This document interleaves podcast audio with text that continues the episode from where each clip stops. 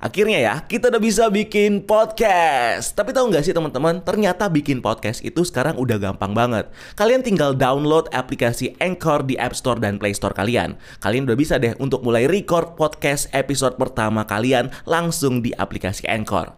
Bahkan kalian juga bisa edit podcast kalian langsung loh. Di aplikasi Anchor, podcast kamu bakal didistribusikan ke podcast streaming platform seperti Spotify, Apple Podcast, dan masih banyak lagi. Dan yang pasti, gratis. So you download aplikasi Anchor di App Store dan Play Store kalian atau kunjungi www.anchor.fm. Selamat bikin podcast. Hey Skrulls, melanjutkan breakdown dan ending explain film Spider-Man No Way Home. Kali ini kita bakal membahas post-credit scene dari film Spider-Man No Way Home Di mana ini cukup menjadi pertanyaan tentang bagaimana dia bisa masuk ke universe ini Padahal nggak kenal sama Spider-Man. Terus gimana masa depan karakter ini di MCU dan bakal jadi apa dia di universe ini. Termasuk kandidat-kandidat host atau inang untuk karakter ini. So welcome to Breakdown Channel Universe. Bareng gue, Rian BCU Let's explore this universe Services.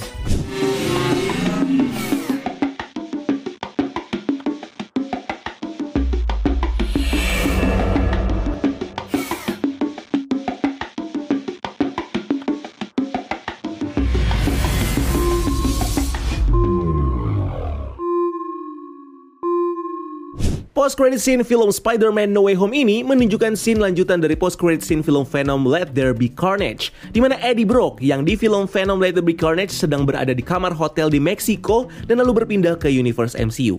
Di mid credit scene ini, Eddie terlihat sedang berada di sebuah bar di hotelnya di Meksiko dan ngobrol dengan bartender yang ada di sana yang diperanin sama Cristo Fernandez di mana Eddie mencoba menanyakan banyak hal kepada si bartender dan dia terlihat sangat bingung dengan cerita-cerita yang dia dengarkan ini. Eddie mencatat semua informasi yang dia dapatkan, yang sudah dia dengar selama berjam-jam di bar ini. Di mana Eddie mereview lagi catatannya dengan menceritakan kalau universe ini memiliki banyak manusia super, di mana ada seorang bilioner yang memiliki suit besi dan bisa terbang, yang tentunya merefer ke Tony Stark dengan suit Iron Man-nya, dan si bartender yang mendoakan sosoknya yang gugur mengorbankan dirinya di Avengers Endgame. Eddie lalu melanjutkan catatannya di mana di universe ini ada orang hijau yang sangat marah dengan nama Hulk. Di mana Venom di tubuh Eddie lalu protes perkataan Eddie di film Venom yang lalu yang bilang kalau nama Little Protector adalah nama yang jelek. Di mana menurut Venom, Hulk adalah nama yang lebih jelek lagi. Eddie lalu meminta dijelaskan lagi tentang alien ungu yang suka sama batu. Di mana menurut Eddie, alien gak suka sama batu. Alien sukanya memakan otak manusia. Di mana alien yang Eddie kenal, si Venom kan memang sukanya makan otak manusia. Dan Eddie tentunya gak kenal sama alien lain. Dan dialog ini juga sindiran Eddie buat Venom yang di sepanjang film Venom 2 memaksa Eddie buat makan otak manusia. Tapi malah seringnya dikasih ayam yang malah ayamnya nggak dimakan-makan juga karena kasihan. Si bartender lalu bilang ke Eddie dengan ada protes di mana si alien ungu sudah membuat keluarganya hilang selama lima tahun. Alien ungu kalian udah tahu lah ya siapa, ya jelas si Thanos. Eddie lalu bilang kalau dia harus ke New York dan ngobrol dengan si Spider-Man. Venom terus ngajak Eddie untuk skinny dip atau berenang telanjang dan tiba-tiba mereka merasakan hal aneh lalu hilang kembali ketarik ke universe asal mereka yang terjadi berbarengan dengan mantra Doctor Strange di ending film Spider-Man No Way Home. Venom dan Eddie lalu hilang yang bikin bete si bartender karena nggak bayar minuman mereka dan nggak ngasih tips sama sekali. Dan tiba-tiba di meja bar terlihat pecahan dari Venom yang ternyata tertinggal dan lalu bergerak dan mid credit scene lalu selesai.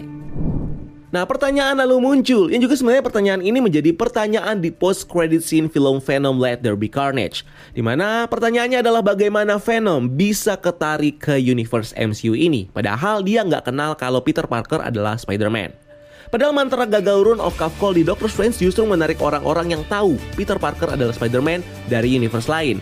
Lalu kenapa Venom ditarik padahal nggak kenal sama Peter Parker? Begitupun dengan Electro yang juga nggak kenal sebenarnya sama Peter Parker. Tapi kita bahas di kesempatan lain lah ya. Nah untuk Venom, pihak studio sudah mengkonfirmasi kalau petunjuk yang ada di post credit scene film Venom Let There Be Carnage adalah jawaban atas pertanyaan itu, yaitu Hive Knowledge yang sempat dikasih tahu Venom ke Eddie di post credit scene film Letter Be Carnage. Nah, di komik, Hive Knowledge ini dikenal dengan nama Hive Mind, sebuah pikiran kolektif yang dimiliki sama para simbiot yang mereka gunakan untuk berkomunikasi dan mendengar perintah dari pencipta mereka yang adalah Null, the God of Darkness. Di komik, Null kemudian kehilangan kontrolnya kepada para simbiot setelah pertarungannya dengan Thor dan salah satu naga simbiotnya. Para simbiot akhirnya bebas dan memutuskan untuk berpencar ke seluruh bagian alam semesta untuk menciptakan perdamaian. Nah, Hive Mind kemudian digunakan oleh para simbiot untuk mendukung agenda perdamaian mereka, di mana Hive Mind digunakan untuk saling berkomunikasi dengan tujuan untuk mempelajari pengetahuan di seluruh alam semesta. Hive Mind juga digunakan para simbiot untuk menyeleksi para host atau inang yang nantinya akan mereka tunjuk sebagai kesatria untuk menjaga perdamaian di galaksi yang dikenal dengan nama Agent of Cosmos. Dan di post credit scene film Venom Let There Be Carnage, Venom ngejelasin ke Eddie kalau dia punya semacam hive knowledge yang mereka share secara kolektif selama 80 miliar tahun cahaya dan tersebar di seluruh alam semesta. Itu artinya para simbiot termasuk Venom saling terkoneksi dan berkomunikasi satu sama lain lewat hive knowledge. Dan mungkin saja ini ternyata nggak cuma terbatas di satu universe aja, tapi ke multiverse. Di mana para simbiot yang eksis di berbagai universe saling terhubung satu sama lain. Inilah yang kemudian menyebabkan Venom di universe-nya Sony Spider-Man Universe akhirnya bisa mengetahui Peter Parker dan Spider-Man, di mana Venom mengetahui ini dari Venom dari universe lain yang sempat bersinggungan dengan Spider-Man. Contohnya, seperti Venom versi Topper Grace yang di film Spider-Man Sam Raimi jadi musuh yang dibunuh sama Spider-Man. So dengan Venom yang familiar dengan sosok Peter Parker dan Spider-Man, ini akhirnya membuat Venom masuk ke dalam target mantra Doctor Strange yang kemudian menarik mereka ke universe MCU. Pertanyaan lain yang muncul adalah kenapa pecahan simbiot Venom di meja ini nggak ikut ketarik balik ke universe-nya seperti Venom dan malah stay di sini. Nah, untuk kasus ini bisa dibilang kalau pecahan simbiot Venom ini sudah menjadi entity yang berbeda dengan Venom ketika simbiot ini pecah dan terpisah dari tubuh Venom. Nah, seperti yang kita lihat di film Venom, Let There Be Carnage, pecahan simbiot sendiri punya kemampuan untuk bisa hidup secara independen dan jauh dari inangnya setelah terpecah dan terpisah. Dan pecahan simbiot ini nantinya akan tumbuh dan berkembang setelah menyatu dengan host barunya. Dengan menyesuaikan kekuatan dan sifat dari host barunya ini. Di mana sudah kita lihat di film Venom Let There Be Carnage yang bahkan membentuk monster simbiot baru yang punya sifat berbeda dari inangnya dan membentuk sifat sendiri dengan berasimilasi dengan host barunya yaitu Cletus Kasedi dan menjadi Carnage. Kejadian yang sama mungkin akan terjadi di Spider-Man No Way Home ini, di mana pecahan simbiot Venom ini tentunya akan menjadi simbiot baru yang tidak lagi terhubung dengan Venom. Tapi kan semua yang dari universe lain harusnya kembali ke asalnya setelah mantra Doctor Strange dilapalkan. Nah, kita harus ingat lagi kalau mantra Doctor Strange itu apa, di mana mantranya adalah melupakan siapa itu Peter Parker. Dan nantinya mantra ini akan membatalkan mantra Broken sebelumnya yang menarik orang-orang yang tahu Peter Parker adalah Spider-Man dari universe lain. Dan karena orang-orang yang dari universe sebelah ini jadi nggak tahu tentang Peter Parker, tentunya membuat mereka kembali lagi secara otomatis ke universe-nya karena mantra sebelumnya menjadi batal. Nah, untuk kasus si pecahan simbiot ini, pecahan ini masih belum memiliki ingatan seperti simbiot Venom pada umumnya. Ibaratkan ini adalah bayi yang baru lahir. Nah, pecahan ini adalah bayi yang tidak memiliki pengetahuan apa pun. Makanya pecahan ini nggak ikut ketarik karena mantranya tentunya nggak mempan sama dia karena pengetahuannya yang masih kosong. Nah, dengan tertinggalnya pecahan simbiot Venom, tentunya ini memberikan kita petunjuk kalau sekarang akan ada Venom di Marvel Cinematic Universe. Di mana Venom di MCU ini hampir dipastikan akan bersinggungan dengan Spider-Man. Di mana Venom di Sony Spider-Man Universe malah tidak pernah bersinggungan dengan Spider-Man. Padahal di storyline komik bahkan di film Spider-Man Sam Raimi, awal mula pembentukan karakter Venom adalah dengan menjadikan Peter Parker Spider-Man sebagai host pertamanya sebelum akhirnya berpindah ke Eddie Brock. Di mana dari saat nempel di Spider-Man ini inilah Venom mendapatkan kekuatan yang diadaptasi dari kemampuan Spider-Man. Seperti mengeluarkan jaring, bisa swinging di antara gedung-gedung dan bahkan mengadaptasi lambang laba-laba di dada Venom yang tetap dibawa setelah Venom terpisah dengan Spider-Man. Nah, dengan masuknya pecahan simbiot Venom di MCU, tentunya akan membuka peluang memperkaya calon villain di universe ini. Atau bahkan bukan villain, tapi hero dan anti-hero. Awalnya banyak orang yang mengira kalau artinya akan ada Venom Eddie Brock versi lain yang akan eksis di universe ini. Tapi sepertinya Marvel Studios tidak akan mengambil dan menceritakan karakter yang sama yang sudah diceritakan di film lainnya. Di mana film Venom yang akan punya tiga film sepertinya sudah cukup ya untuk mengangkat storyline dari Venom dan Eddie Brock. Yang di filmnya, Eddie Brock dan Venom ini digambarkan sebagai anti-hero. Dan di film Spider-Man 2 juga sudah diceritakan tentang Eddie Brock dan Venom yang menjadi villain. Jadi kalau akan mengangkat karakter ini lagi sepertinya udah nggak bakal ya. Melihat kebiasaan Marvel Studios yang agak-agak anti menceritakan storyline yang sama yang sudah pernah diangkat di live action sebelumnya. Nah, Peter Parker digigit laba-laba aja nggak diceritain gimana backstory-nya. Akhirnya ya, kita udah bisa bikin podcast. Tapi tahu nggak sih teman-teman, ternyata bikin podcast itu sekarang udah gampang banget. Kalian tinggal download aplikasi Anchor di App Store dan Play Store kalian. Kalian udah bisa deh untuk mulai record podcast episode pertama kalian langsung di aplikasi Anchor.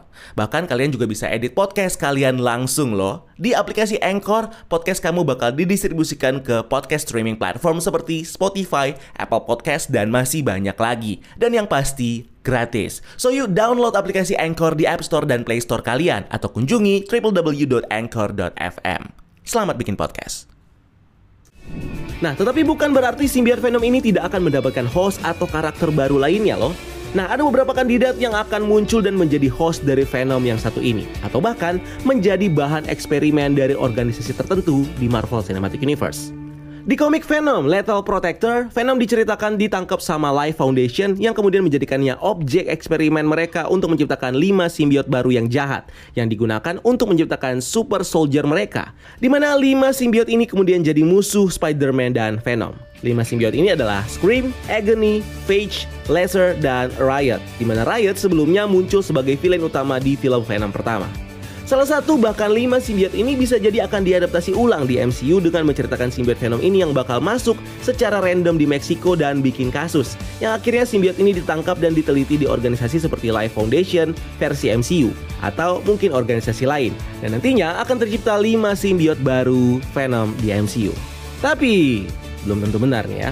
Karena storyline ini hampir-hampir mirip dengan film Venom 1 dan beberapa simbiot lainnya juga sudah ditunjukkan di film itu, sepertinya ini agak minim buat diceritain ulang ya. Yang justru mengarahkan kita ketiga calon karakter lain yang akan menjadi masa depan dari simbiot ini.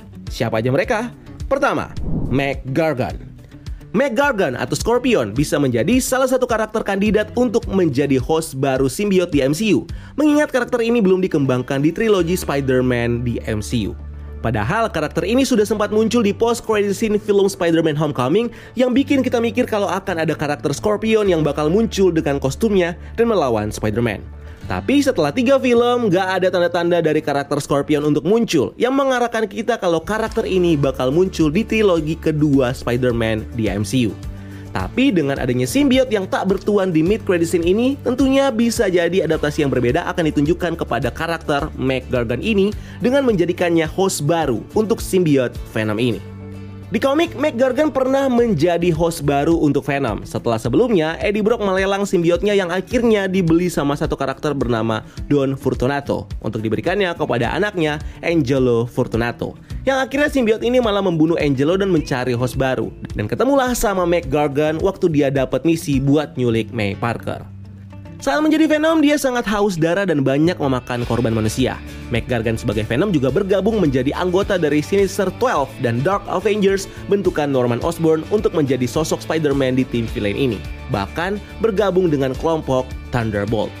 Nah, dengan MCU yang sekarang pelan-pelan mulai membentuk tim Thunderbolt-nya, kandidat yang satu ini cocok banget buat masuk ke daftar anggota dari tim bentukan Valentina Allegra de Fontaine ini, yang sekarang sudah merekrut John Walker dan Yelena Belova.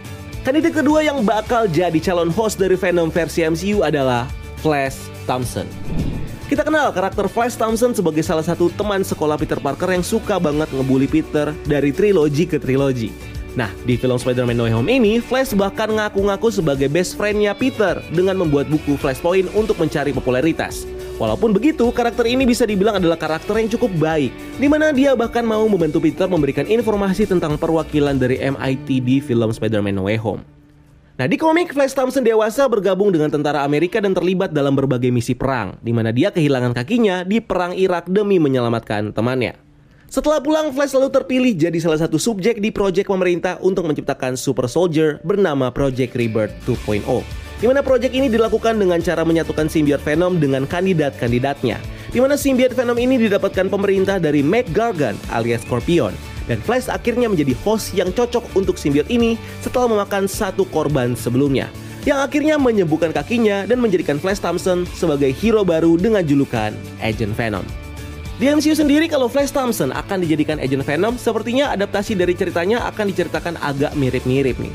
Di mana yang kita tahu di film Spider-Man No Way Home ini, Flash menjadi mahasiswa di MIT dan mungkin agak jauh dengan posisi Venom ya. Tetapi bukan berarti mereka nggak akan ketemu. Ini bisa terjawab setelah plot dari trilogi kedua Spider-Man di MCU mulai di-reveal. Di mana ini juga masih misteri nih, bakal menceritakan kehidupan Spider-Man di umur Spider-Man yang keberapa. Nah, kita tahu MCU tidak akan menceritakan plot cerita atau karakter yang sudah pernah diceritakan sebelumnya di film mana pun. Nah, sepertinya trilogi kedua Spider-Man di MCU akan mengambil latar kehidupan Spider-Man di umurnya yang dewasa. Mungkin di umur 25-an ke atas, yang belum pernah diceritakan di film-film Spider-Man sebelumnya. Nah, kalau seperti ini, Agent Venom ini bisa tercipta loh dengan mengadaptasi cerita yang mirip-mirip dengan yang ada di komik setelah Flash Thompson kehilangan kaki dan ikut dalam Project Rebirth 2.0.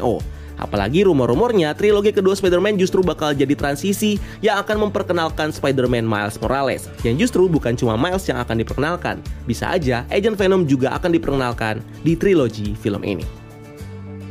Dan kandidat ketiga yang sebenarnya antara mungkin gak mungkin nih buat diadaptasi Tapi gue berharap ini bakal kejadian Di mana simbiot Venom ini bakal menyatu dengan karakter ini Siapa dia? Deadpool Karakter ini memang belum muncul di MCU ya, tetapi cepat atau lambat kita bakal ketemu dengan karakter ini yang masih dengan cerita yang sama di film sebelumnya dan akan berlanjut di Marvel Cinematic Universe. Munculnya Deadpool di MCU bakal sejorok-joroknya dimunculin tanpa bridging atau cerita kalau ini adalah varian dari Deadpool sebelumnya atau yang lain nih. Ini akan menjadi karakter yang paling dinanti nanti fans untuk muncul di MCU dan plek-plekan akan tiba-tiba pindah aja dari Fox ke MCU ini. Nah, ada fakta yang menarik tentang Deadpool ini dan juga Venom loh. Di mana ternyata Deadpool ini adalah inang atau host pertama dari Venom sebelum Spider-Man. Di komik Secret Wars diceritakan Venom menjadikan Spider-Man inangnya yang membuat Spider-Man memiliki kostum hitam. Dan diceritakan juga kalau Spider-Man adalah inang pertama bagi Venom. Nah, cerita dari sisi berbeda diceritakan di komik Deadpool Secret War di mana diceritakan kejadian Secret War tapi dari sudut pandangnya Deadpool yang mereveal kalau Deadpool ternyata adalah inang pertama dari Venom sebelum Spider-Man. Di komik diceritakan Deadpool yang ternyata terlibat di Secret Wars. Sampai di satu kesempatan di markas Avengers, Hulk dan Thor menawarkan Deadpool sebuah mesin yang bisa menciptakan kostum baru untuknya. Deadpool lalu menggunakan mesin itu dan ternyata menyatu dengan simbiot Venom. Kostum Deadpool lalu berubah menjadi hitam putih. Deadpool lalu sempat merubah kostumnya meniru hero-hero lain yang bahkan sempat meniru kostum Spider-Man. Dan tiba-tiba Deadpool merasa hal aneh terjadi di otaknya, di mana simbiot ini seperti mengkonsumsi pikiran Deadpool.